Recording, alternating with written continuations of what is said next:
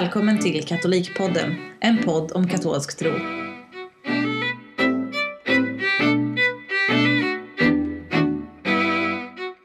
Hej och välkomna till dagens avsnitt av Katolikpodden. Eh, idag blir det ett eh, lite speciellt avsnitt, för idag kommer vi att prata engelska i detta avsnitt. Eh, och det beror på att vi också har en väldigt speciell gäst, nämligen Brendan Thompson från England. Welcome to the podcast, Brendan. It's good to be here. Uh, it's very good to have you here. Uh, you're in Stockholm. Uh, you work for Catholic Voices England, and you're in Stockholm to do some work with Catholic Voices Sweden.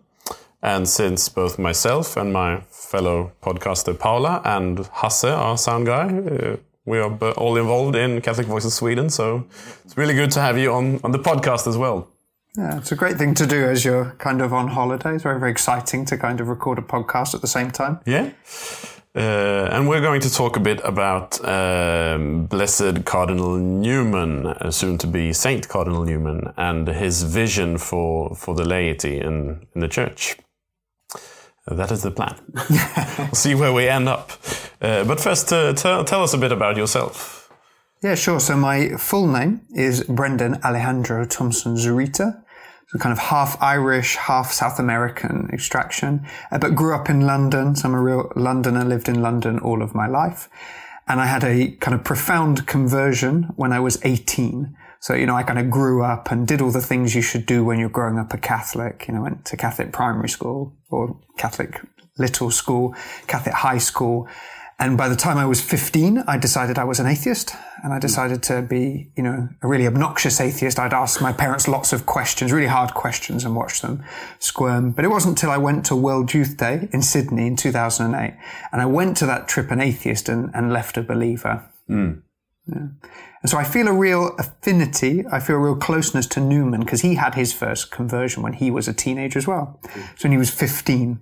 And I think, I don't know about you, I find that more and more now people are younger the age that they, you know, are kind of having these big questions. It used to normally be in your twenties that you'd have these big questions of, like, you know, when you hit university, uh, independence. But actually I'm finding it's younger and younger. So I think Newman, of all the things he could be a patron of, he's the patron of apologists, so people who talk about or defend the Catholic faith. Mm. But I also think he could be a patron saint of, you know, secularized countries, countries where, you know, there's belief of God or unbelief in God is kind of rampant. Mm.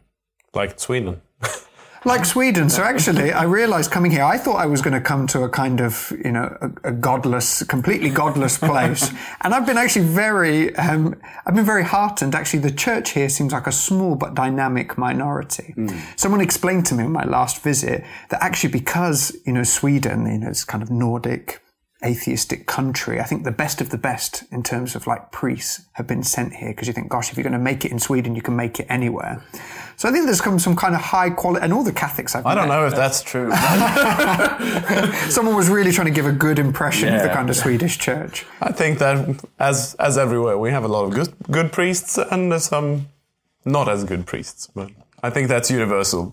Yeah, but I mean, the, the Archbishop here was made a cardinal, I think, in a recent The bishop, he's not an archbishop, since The archbishop, we have only have one diocese, and So the one diocese covers the whole of Sweden. Exactly. Right, right. so he's not an archbishop.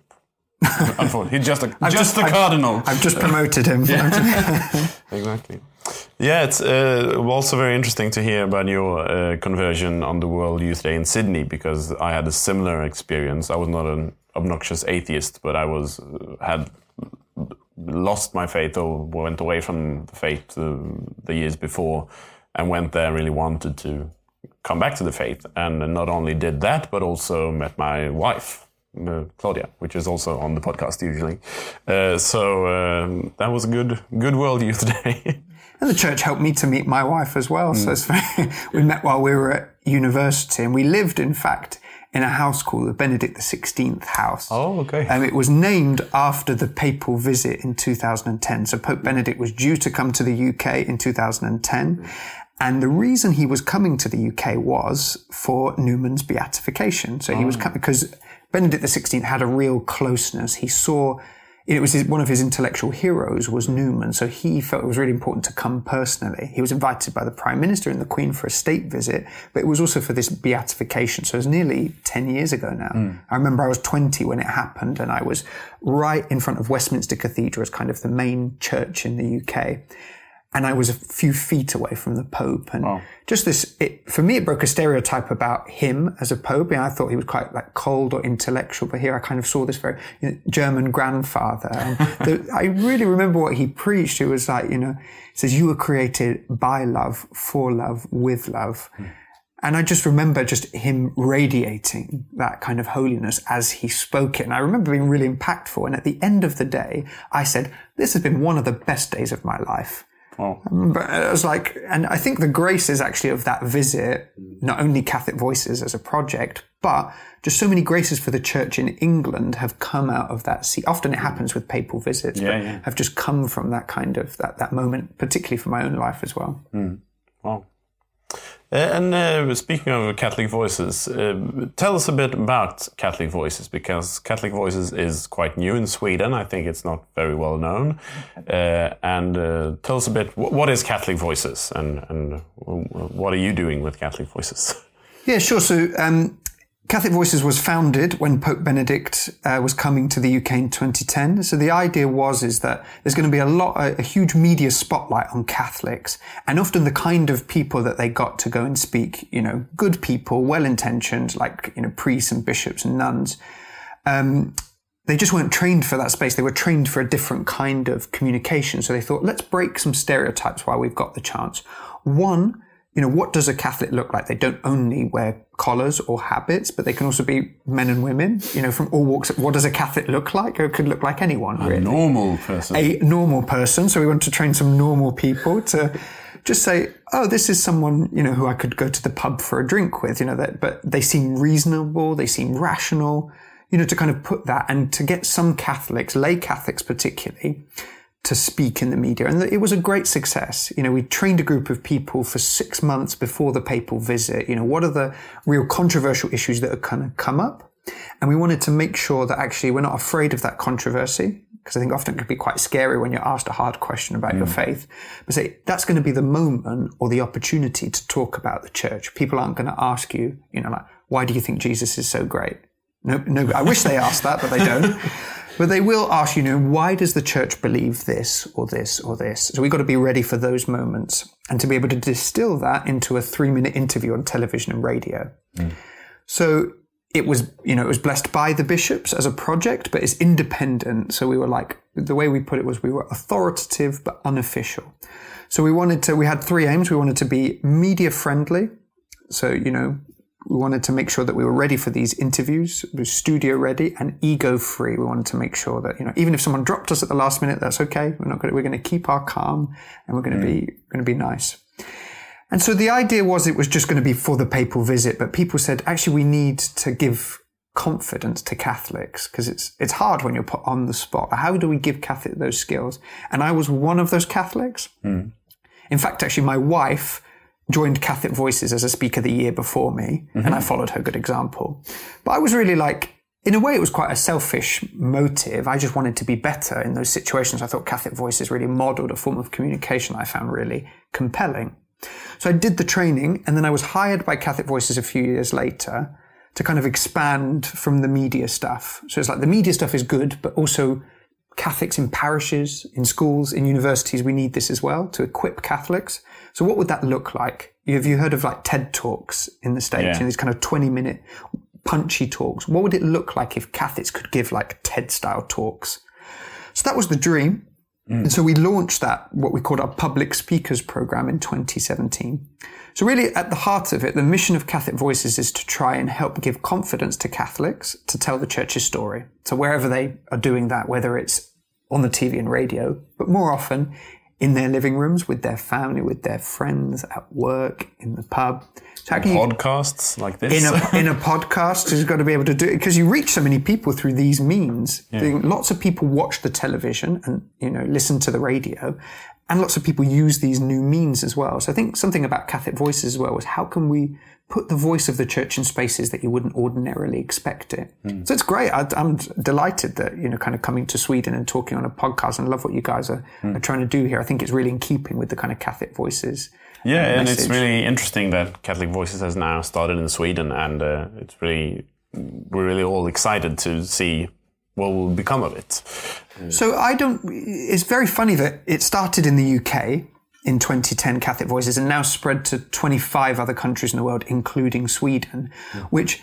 You know, the England, English church is a really small player when it comes to world Catholicism. So it's amazing to think a saint like Newman, who's going to be made a saint in, in October 2019, um, you know, it's come from in this huge intellectual giant, but also something like Catholic Voices, which is inspired by mm. his you know, call to the laity to be proactive in evangelization, that would that project would come from England as well and kind of bless different countries in the world. It really surprises me. So thank God in a way, like from this Protestant country. yeah, it's wonderful, and and um, well, the uh, the church in Sweden is even smaller, so it's uh, also very interesting to to actually because the church in Sweden is quite uh, it, it doesn't go. It do, it's not very missionary, and it doesn't really go out in the society and to to others. But it's it's a lot. Um, not just to keep keep the Catholics happy, basically. Uh, but we need to move from there and also do do do the church's mission. And uh, so uh, I think Catholic Voices and hopefully this podcast can be some small pieces of the puzzle in in that yeah. work. Um, but you said that that uh, Blessed Cardinal Newman is uh, also uh, uh involved in Catholic Voices. I almost said. Um, but tell tell tell tell us a bit about uh, Cardinal Newman. Who who was he, and why why is he important? Yeah, so I think Newman is really significant in the life of of the church, particularly when we're trying to ask the question: How do I dialogue with the modern world? You know, a world that's largely you know, rejected the idea of God. So I think of, you know, British culture, Swedish culture. You think, well, he was a man who was, who represented the 19th century, I'd say. So he was born in 1801, died in 1890. So his life really went over the 19th century and really represented the English establishment, if you can put it like that. See, he had a pivotal conversion when he was 15 and, you know, where he started believing in God. He could have been an agnostic or an atheist. Um, but really through one, through the influence of one of his teachers came to Christianity, had a typical Anglican or Church of England upbringing. He went to Oxford University and was, um, became a professor, what we call a don at Oxford, and then became the chaplain so the, the vicar of St Mary's, which is the university church. So what that did is put him at the center of the English establishment. So all of the most influential people, prime ministers, the main kind of religious and political figures of the time were centered around Oxford. It's still a kind of central university in the UK and even the world. And then when he became a Catholic, um, converted in 1845, and then later a cardinal of the Catholic Church, mm. his, his life, he's really a theological titan. So even we've already kind of alluded to the fact that Pope Benedict XVI thought that he was a really big influence on his life, but many people have called him almost the, the hidden father of Vatican II. He was invited to Vatican I, but declined the invitation. He thought that it had a kind of closed off view of how we engage with modern society. I think he'd have been really impressed or feel a great closeness to the vision of Vatican II, which is trying to engage, you know, how does the church engage in the modern world? And I think even though he's not quoted in any of the, the documents, I think his spirit can be felt there. So I think he's significant because he can help us with what we have called since the 20th century, really, the, and particularly in the pontificate of John Paul II, the new evangelization. Uh, what would you say? How, how do you define the new evangelization? Yeah, it's one of those words that's thrown around a lot, isn't it? Everything, yeah. everything becomes the new evangelization. Exactly. So I, I guess uh, uh, it's not new in terms of its message. It's still the same gospel. It's not, we don't need a new message.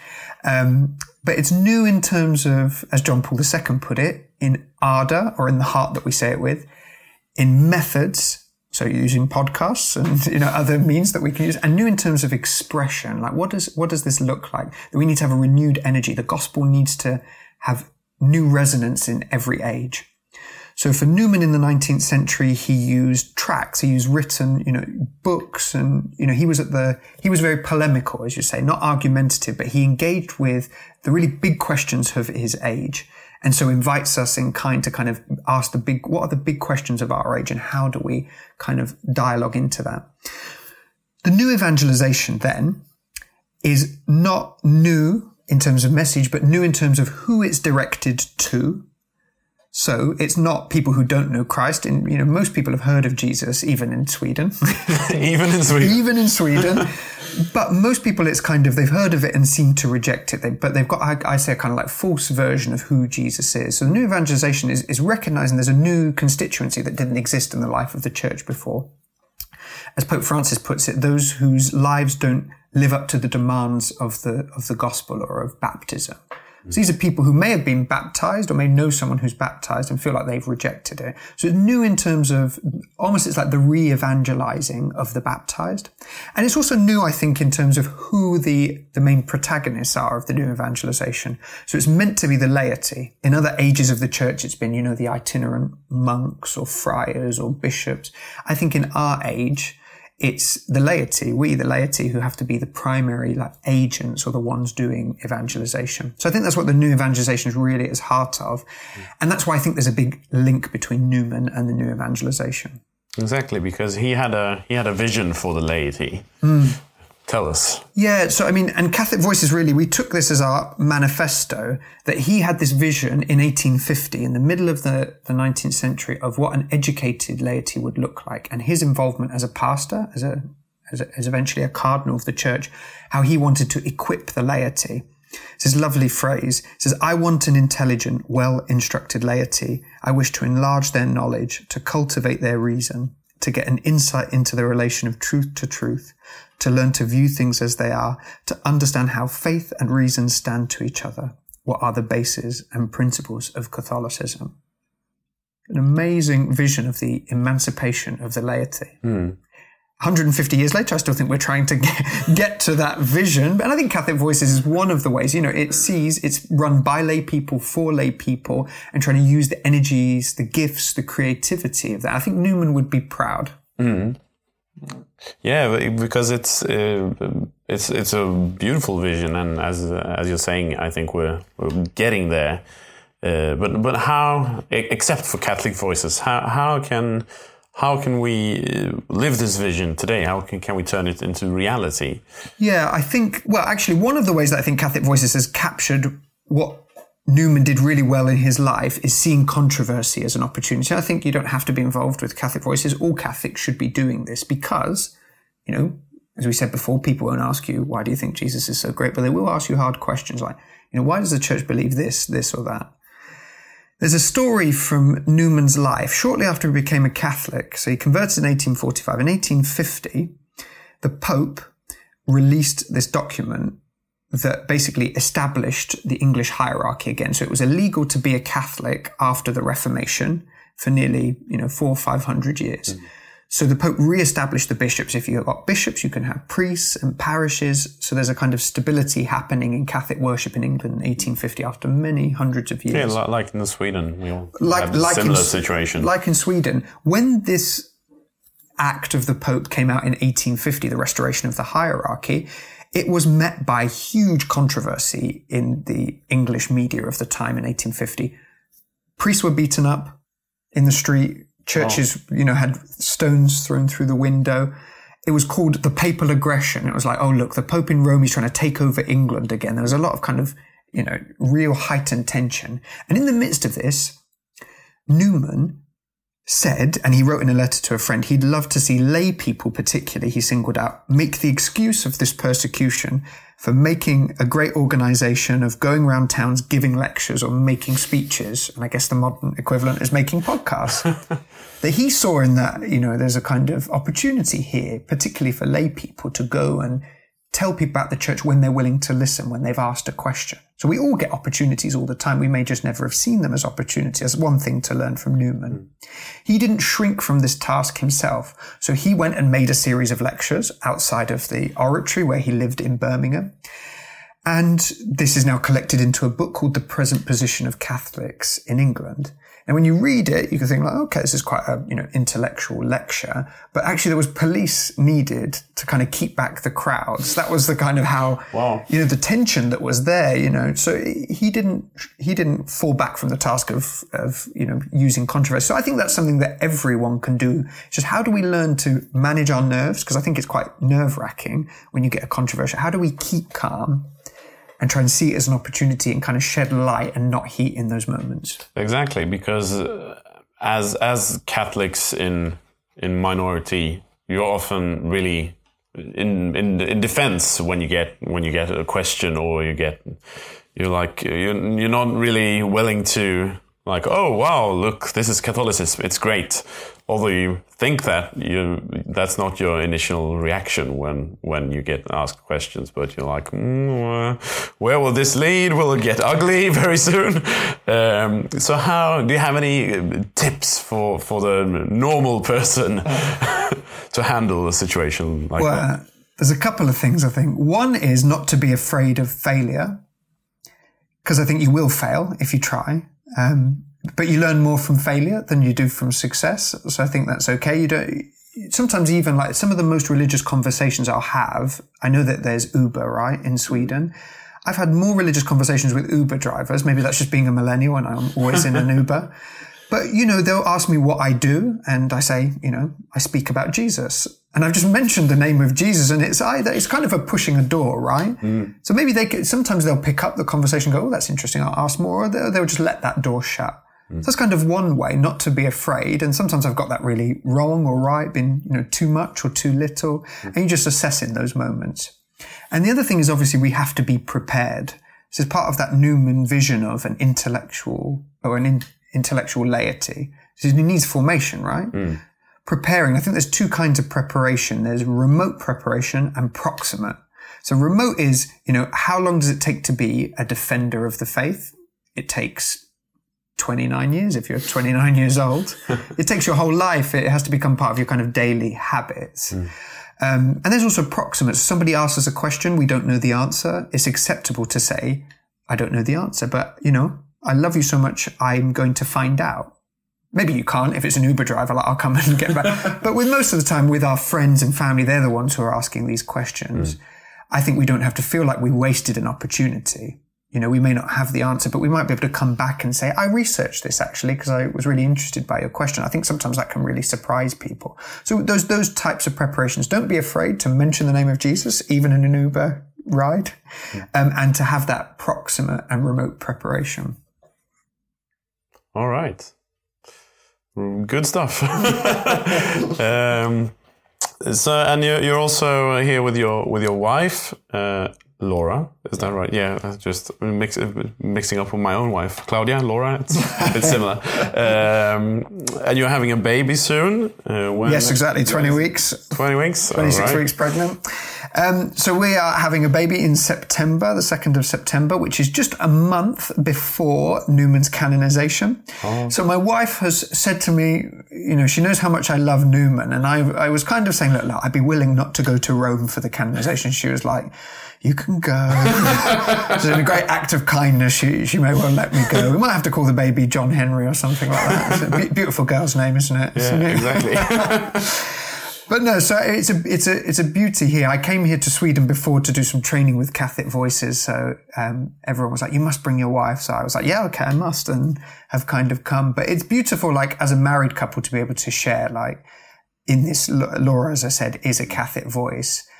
Um, and so both of us were just like journeying, journeying together. It's beautiful to be able to kind of share that aspect of our work. She teaches um, religious education to teenagers, so in what we call secondary school or high school, um, back in England. So we have plenty in common. Like because if you can, I think, put this to teenagers, you can put it to anyone. Yeah, probably. Yeah, and that's really interesting as well because the, the the four of us that are the center of the podcast is me and my wife and another married couple. So you're you're very welcome in the podcast. no, no, it's good to be here.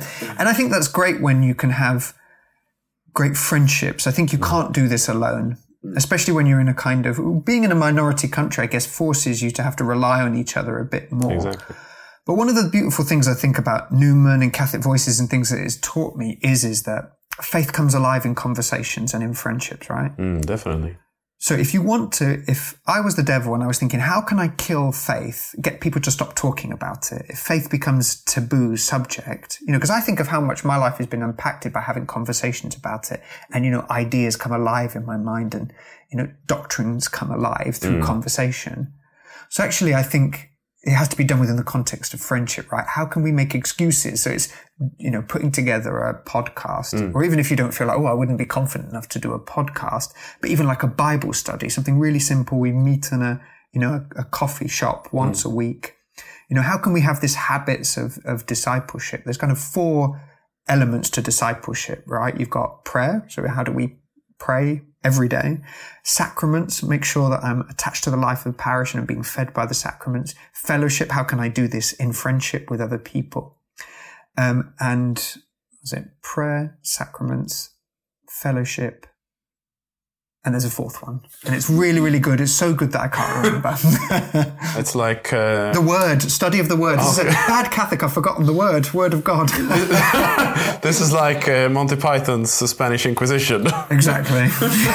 Not really remembering what. So it's the study of the word, actually. It's the, the most significant. The word in its fullest sense. So it's the Bible, it's the scripture, it's the word of God, but also the magisterium and the, and the tradition. We mustn't forget that like Brendan just has. That's okay. You learn more from failure than you do from success. Exactly. exactly. Putting my own principles into practice. Exactly. okay, so Brendan, thank you very much. I hope you will have a good stay here in Stockholm and with, together with Laura. And I hope to see you soon again. Yeah, thanks and thank you for me. coming to the podcast. Det var allt för idag. Tack för dagens avsnitt av Katolikpodden. Vi hörs nästa gång. Hej! Du har lyssnat på Katolikpodden. Du kan nå oss på katolikpodden gmail.com.